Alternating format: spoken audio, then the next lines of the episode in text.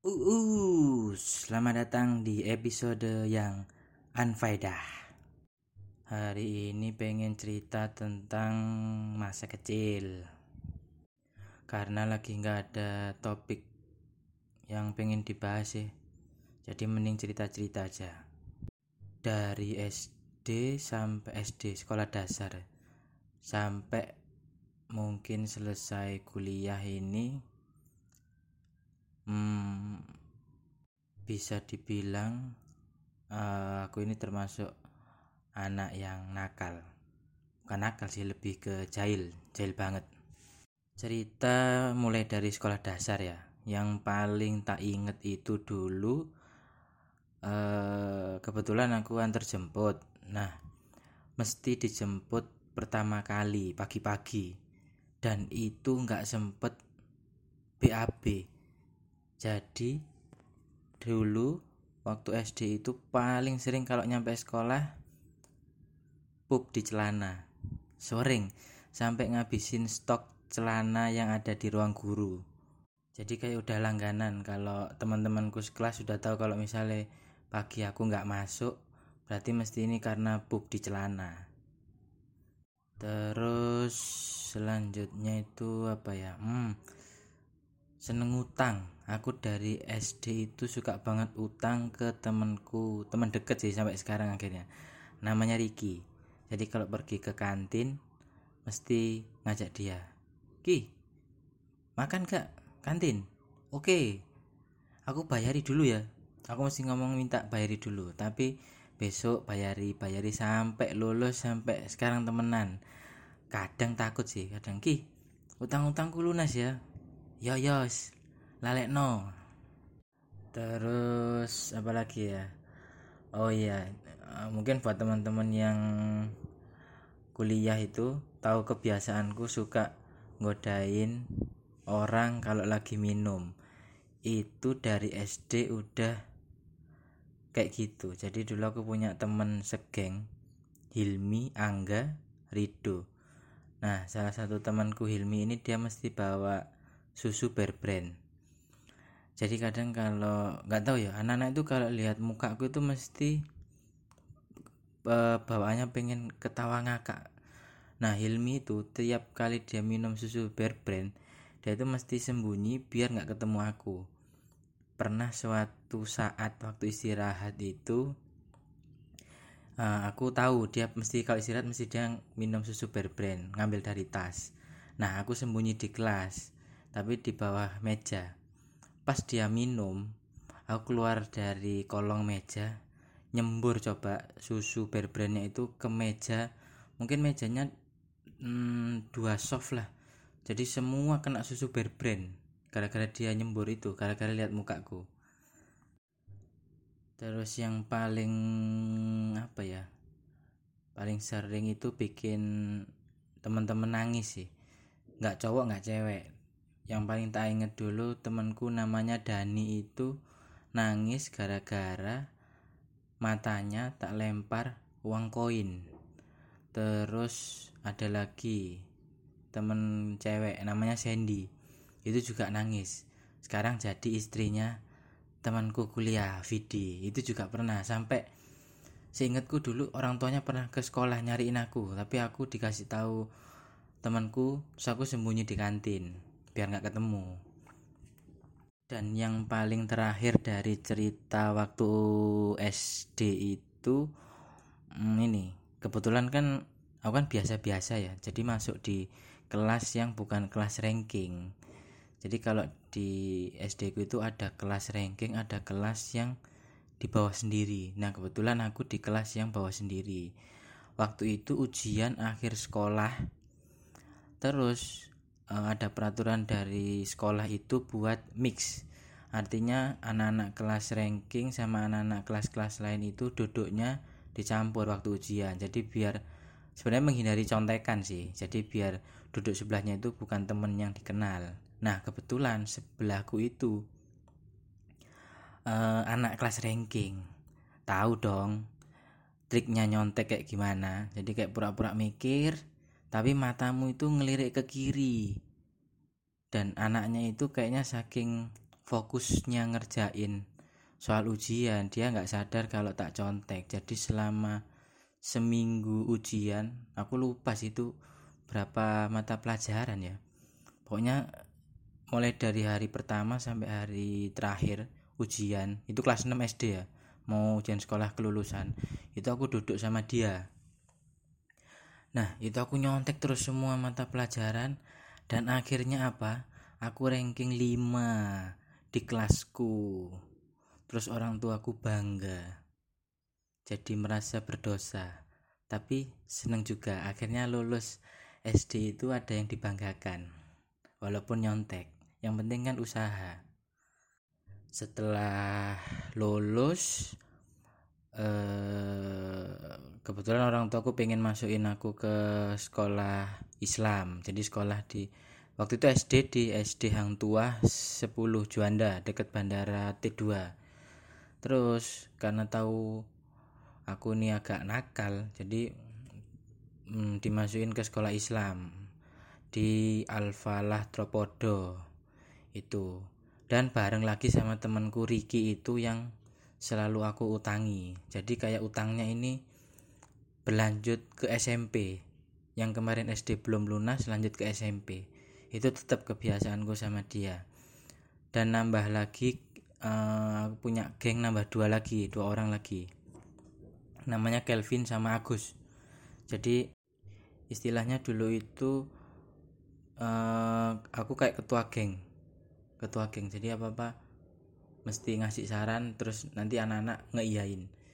Nah dulu itu karena SMP kan nggak boleh bawa motor. Pokoknya aku cupu nggak boleh bawa motor.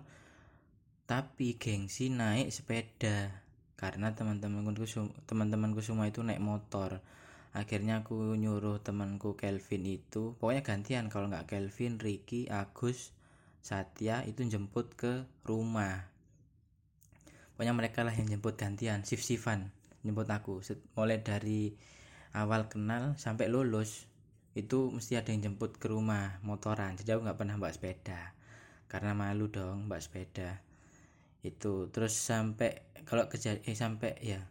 Sampai kejadian yang paling tak inget waktu SMP itu hampir bakar panti jompo sama rumah guruku guru SMP guru bahasa Inggris jadi ceritanya waktu itu eh, puasaan. Kalau puasaan kan mesti ada orang-orang yang jualan petasan ya. Nah waktu itu tuh temenku nganter aku pulang Dia tahu tetanggaku ini jualan petasan. Akhirnya mereka bilang Nif besok beli petasan korek. Oke. Akhirnya aku beli petasan korek. Besoknya tak bawa ke sekolah. Sama anak-anak dibuat mainan di kelas. Jadi bangku itu kan dari rangka besi Cuman kan ada lubangnya Petasannya itu dinyalain di dalam besi meja itu Terus ditutup pakai kayunya yang buat kita nulis itu jadi kayak bunyi tang tang gitu tapi dalam kelas. Terus begitu kan kelas waktu itu kelasku di lantai tiga karena yang lantai satu dua itu eh, SD akhirnya dibuat mainan dilempar dari lantai tiga ke lantai bawah petasan. Bunyinya itu kenceng. Cuman ya karena ya senakal ya ya. Jadi gimana lagi? Itulah mainan-mainan itu sampai duhur waktu pulang. Nah posisi sekolahku itu gini. Jadi sekolahku memanjang terus ada alang-alang rumput yang tinggi itu. Terus habis itu sebelahnya itu panti jompo. Panti jomponya juga memanjang. Lah waktu di alang-alang memanjang itu di ujung itu ada rumahnya guruku. Posisi dia baru ngelahirin anaknya dan masih umur satu tahun kalau nggak salah. Posisi suaminya kerja. Tapi waktu itu karena bulan puasa eh, pulang siang. Jadi duhur udah pulang. Cuman kan kalau sekolah kan sekolah Islam kan sholatnya rame-rame. SMP SD sama semua guru-guru. Jadi semuanya tuh keluar. Entah kenapa temenku Riki ini yang biasanya aku ngutang ini dia nyalain petasan dilempar ke alang-alang yang tinggi. Nah tak sebelumnya tak kasih tahu ya mercon petasan apa petasan korek itu kalau dinyalain dia muter dulu terus gitu baru bunyi tang gitu tang gitu. Itu normalnya kalau nggak kalau kita nyalain di tanah lapang ya. Nah waktu itu Ricky ini ngelempar ke alang-alang yang tinggi. Kita tungguin dong sama anak-anak. Kok nggak bunyi? Tahu-tahu keluar api. Dadat apinya makin gede posisi itu kemarau. Akhirnya Ricky itu lari ke alang-alang itu mau uh, mau madamin. Pakai nginjek pakai kaki apinya gede. Pokoknya nggak mikir lah dia karena takut ya panik. Akhirnya teman-temanku tuh narik-narik Ricky nggak usah nggak usah nggak usah dipadamin. Dan kejadiannya mengerikan itu terjadi. Jadi apinya itu merambat ke temboknya panti jompo. Apinya gede banget karena alang-alangnya waktu itu tinggi mungkin sampai 3 meteran lah 3 meter atau tiga setengah meter. Dan itu jalan apinya jalan ke arah rumah guruku akhirnya aku sama teman-temanku sekelas sama guru-guru itu bantuin guruku ngeluarin barang-barang yang ada di rumahnya TV, kulkas, kasur, lemari sambil guruku nangis gendong bayinya. Terus ya udah akhirnya masjid itu kotor karena anak-anak nggak pakai sepatu terus berbondong-bondong ngambilin air dari kamar mandi masjid. Jadi mereka ngambilin terus madamin madamin mungkin ada mungkin sejam setengah lah madamin api. Itu barengan ya anak SMP SD sama guru-guru. Terus suasana sholat duhurnya itu jadi hening. Nggak ada yang berani bercanda ngomong-ngomong. Akhirnya kepala sekolah manggil siapa tadi yang main petasan? Harap tunggu di sekolah. Nggak boleh pulang dulu yang lainnya boleh pulang. Jadi tinggal kita berempat aku Kelvin aku Seriki. Tinggal di sekolah terus baru tanyai siapa tadi yang nyalakan petasan? Riki ngaku saya Ustad sambil nangis. Terus siapa yang beli? Pada diem ini kalau nggak ada yang ngaku saya panggil semua orang tuanya. Akhirnya aku ngaku saya Ustadz. Ya kamu yang jualan ya? Nggak Ustadz saya beli saya disuruh. Ya namanya anak SMP ya mesti kan nggak mau disalahin kan akhirnya nyalahin orang lain saya disuruh Ustadz disuruh anak-anak disuruh anak-anak beli. Terus ya udah mana nomor telepon orang tuamu? Kan uh, apa ya uh, secara pengalaman aku ini udah jam terbangku tinggi kalau perkara bohong-bohong dan ngerayu-ngerayu. Akhirnya aku ngomong-ngomong sama kepala sekolahku akhirnya yang dipanggil cuman orang tuanya Ricky. Jadi orang tua aku nggak jadi dipanggil karena pakai tipu muslihat tadi akhirnya udah bapaknya Ricky datang terus bapaknya ngomong dengan santai oh Ustad baru bersih bersih ini ya apa eh, alang-alang ya. Terus kepala sekolahku ketawa bapak tahu ini kenapa pak kok bisa seperti ini? Nggak tahu ini anaknya ini bakar-bakar pakai petasan. Lu kok bisa? Iya pak dia beli dari temannya ini. Ya Allah terus ya pokoknya ngobrol lah itu kejadian yang pertama waktu SMP terus yang kedua itu uh, ini waktu praktikum lupa aku kimia atau biologi ya. Pokoknya waktu praktikum itu ada kita disuruh bawa plastik terus nanti praktikumnya itu kayak uh, bandingin cairan-cairan gitu. Itu di lantai tiga kan kita. Jadi labnya di lantai tiga deket toilet. Berakhirlah praktikum itu awalnya temanku ngambil air dimasukin di plastik terus dilubangin dikit buat nyemprot-nyemprot nyemprot-nyemprot temanku. Itu satu orang yang mulai. Akhirnya aku ngambil semprot-semprot. Akhirnya semua ngambil lama-lama nyiram temennya itu nggak pakai plastik tapi pakai timba. Bisa dibayangin dong dari lantai tiga itu banjir ke lantai dua dan ke lantai satu bener-bener banjir. Banjir bandang jadi airnya kayak air terjun. Akhirnya semua anak laki-laki itu dihukum untuk hormat bendera dari jam 12 siang sampai ya aku lupa ya siang apa pagi ya? Kayaknya dari jam 10 jam 10 jam 10 sampai jam 12 dan bikin surat pernyataan gitulah. Itu yang paling itu yang paling yang paling parah kedua. Terus yang paling parah ketiga itu uh, waktu kegiatan pramuka. Jadi kita mungkin ya semua orang lah semua murid itu kayaknya anti banget sama pramuka. Padahal sebenarnya penting. Cuman dulu itu bener-bener males banget ikut pramuka. Sampai suatu saat yang anak-anak cowok kita kalau apa namanya kalau latihan pramuka mesti bareng kan kelas 1 sama kelas 2 karena kelas 3 udah nggak ada karena tryout tryout jadi waktu kita kelas 2 pramuka itu bareng sama kelas 1 campur cewek cowok ya. Yang anak kelasku ini bener-bener males banget ikut pramuka dan waktu itu belajar sandi eh yang pakai bendera itu apa? Morse. Morse kayaknya.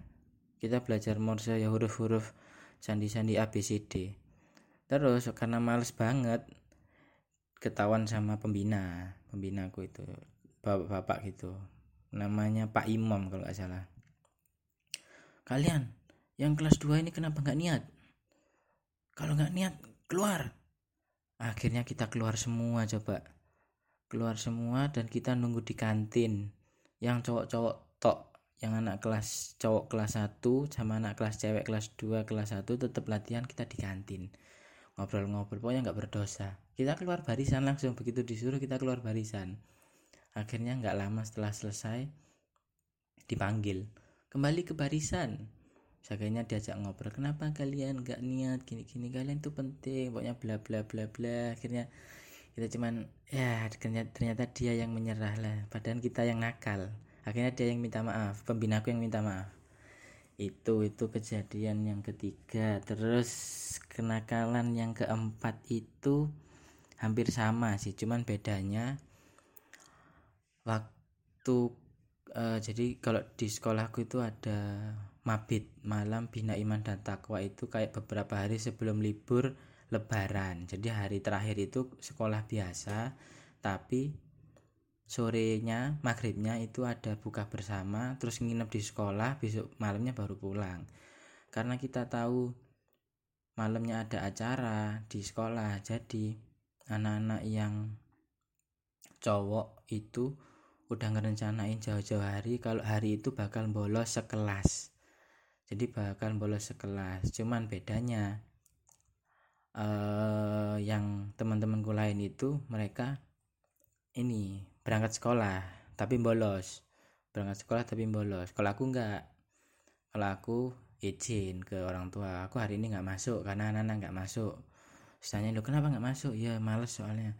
Tapi nanti anak-anak ngumpul di rumah temanku namanya bagus. Ngumpul di sana buat kayak nanti bareng-bareng berangkat dari rumahnya dia sore langsung ke langsung ke sekolah. Tapi dari pagi mereka bolos tapi tetap seragaman. Aku tok yang nggak seragaman jadi di rumahnya bagus itu puasaan tapi nonton film ini kue pie Amerika kue pie khas Amerika itu film nonton film itulah pokoknya SMP itu ya. Mungkin ada teman-teman yang tahu kan film itu. Itu terus ya udah setelah nonton itu lah ternyata ada satu temen cowok kita itu yang berkhianat namanya Wildan. Dia ini alim banget dia masuk sekolah sendirian. Jadi dia sendirian sama anak-anak cewek tahu dong malamnya kita diapain sama wali kelas. Jadi kita dihukum. Terus pokoknya dihukum lah dihukum. Malam-malam itu dihukum dimarah-marahin diteriak-teriakin gitu itu pokoknya nakal banget. Itu SMP kalau berlanjut ke SMA itu sebenarnya waktu SMA itu benar-benar shock ya. Karena dari SD swasta terus SMP swasta langsung masuk ke SMA negeri kan negeri itu mesti suasananya kan menurutku negeri itu suasananya lebih keras daripada sekolah swasta. Dan itu kaget karena kebiasaan ruangan AC terus muridnya teman sekelas itu dikit dan nggak maksudnya nggak dengar omongan-omongan kayak ya semua omongan kotor gitulah yang sekarang jadi bahasa sehari-hariku. Itu itu maksudnya ada di SMA jadi awal-awal masuk itu bener-bener nggak betah aku sekolah negeri di ini SMA 10 Surabaya Timur Sari. Itu itu pertama pertama kali ngerasain sekolah negeri itu bener-bener nggak kerasan dan karena ya fasilitasnya ya mesti jauh beda kan sama sama sekolah swasta. Tapi tetap ketemu teman-teman yang asik. Kelas 1 itu punya teman dekat uh, cowok satu namanya Rian. Sisanya cewek ceweknya ada enam orang kayaknya enam orang. Jadi ceweknya enam orang dan kebetulan mereka itu winter dan alhamdulillahnya mereka itu care sama aku. Jadi waktu itu uh, ini bukan cerita nakal sih ini kayak kebaikan teman-temanku ini. Jadi namanya Evis Revira Indi Iva Ayu. Ya bener itu kayaknya. Uh, terus dulu kan aku aktif di ini aktif di apa uh, mading ikut lomba-lomba uh, deteksi. Jadi hampir hampir setiap hari mulai dari kelas 1 ya mulai dari kelas 1 kelas 2 eh kelas 1 sih. Kelas 1 itu aktif banget dan jarang banget masuk sekolah. Jadi mesti izin bikin mading di, di sekolah. Terus kalau itu ngurus berkas ke Jawa Pos dan lain-lain. Dan karena temenan sama orang-orang ini tuh jadi aku dudukku itu mesti di antara cewek-cewek itu tadi. Nah kalau ujian aku tidur nanti kalau mereka udah jawab pertanyaan jawabannya itu dikasihin ke aku Nif cepetan salin. Oke jadi aku salin nyalin jawaban. Udah gitu terus setahun sampai aku naik kelas 2 sampai bisa masuk ke uh, peminatan IPA itu karena mereka. Jadi setiap kali ujian itu mesti mereka yang ngerjain dulu terus nanti jawabannya dikasihin aku. Pokoknya enjoy. Sampai di kelas 2 itu juga sama. Pernah ada kejadian um, jadi temanku yang yang perempuan-perempuan ini itu dia masuk ke kelas ranking. Dan aku lagi-lagi balik ke SD masuk di kelas yang biasa aja. Tapi anak-anaknya seru. Pokoknya anak-anak yang biasa itu biasanya lebih seru karena nggak suka belajar ya nah teman-temanku ini masuk di kelas ranking itu tadi. Terus mereka ujian seingatku ujian biologi. Jadi mereka ulangan harian biologi lebih dulu daripada kelasku. Nah karena kelasku ini ujiannya minggu berikutnya dan teman dulu kan kalau kita ujian kan apa walaupun HP HP HP biasa Nokia itu kan masih bisa cacatan yang cepet itu loh SMS yang cepet yang pakai yang kita nggak perlu lihat keyboardnya tapi bisa ngobrol. Nah aku tanya temanku juga eh kemarin ujian biologi kan? Iya iya. Oh, inget gak pertanyaan ini jawabannya apa? Udah jadi aku ngerjain sambil nanya mereka jawabannya apa. Itu padahal beda kelas. Itu lulus akhirnya ujian biologi. Pokoknya serba nyontek lah serba nakal. Nah yang di kelas 2 itu temennya ganti karena kan mix lagi sama kelas-kelas lain. Itu kalau SMA ini nakal apa ya sebenarnya kalau SMA jarang sih nakal. Mungkin yang paling parah itu oh ini. Jadi teman-temanku itu kejadiannya sama kayak S2 ini ya. Kayak di, selalu dipaksa jadi ketua. Jadi dipaksa jadi ketua kelas. Jadi kelas 2 itu aku, eh aku lupa. Ketua kelas itu kelas 2 apa kelas 3 ya? Kok kelas 3 kelas 3 kelas 3 itu aku jadi ketua kelas. Dan waktu itu ada rapat. Sering kalau kelas 3 itu sering ada rapat rapat osis. Entah bahas rekreasi entah bahas buku angkatan. Dan kita masih dikasih surat dikasih surat izin untuk meninggalkan kelas. Nah itu waktu itu aku sama aku bikin surat terus tanda tangan ke wakil kepala sekolah tapi lupa nggak dikasih tanggal.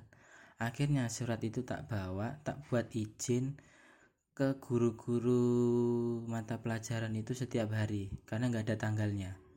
Jadi bu hari ini saya ada rapat bu. Mana suratnya? Ini bu. Oh ya udah keluar. Sama siapa? Sama Irfan. Paling sering sama Irfan. Itu temanku yang paling nongakal dan pelit Irfan. Jadi setiap kali ada aku males yo pelajaran. Nif ayo rapat. Oke pakai kertas sakti tadi. Bu saya izin.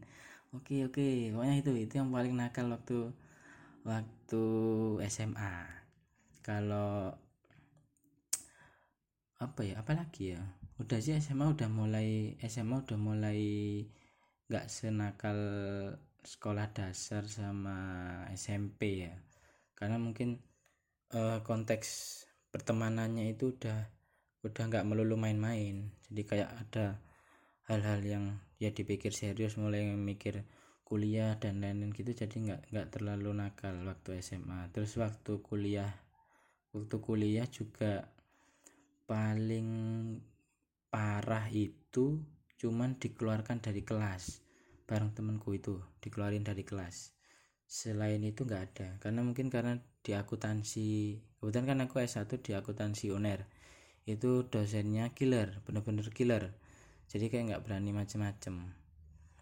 Itu sih mungkin cerita ya episode pertama cerita-cerita tentang masa kecil yang begitu badass. Semoga nanti uh, episode berikutnya ada topik yang genah lagi lah yang jelas. Nggak kayak gini. Ini cuman sekedar uh, intermezzo aja biar ada episode pertama yang uh, aku buat. Itu. Oke mungkin itu aja ceritanya. Nanti kita ketemu lagi di episode berikutnya. Bye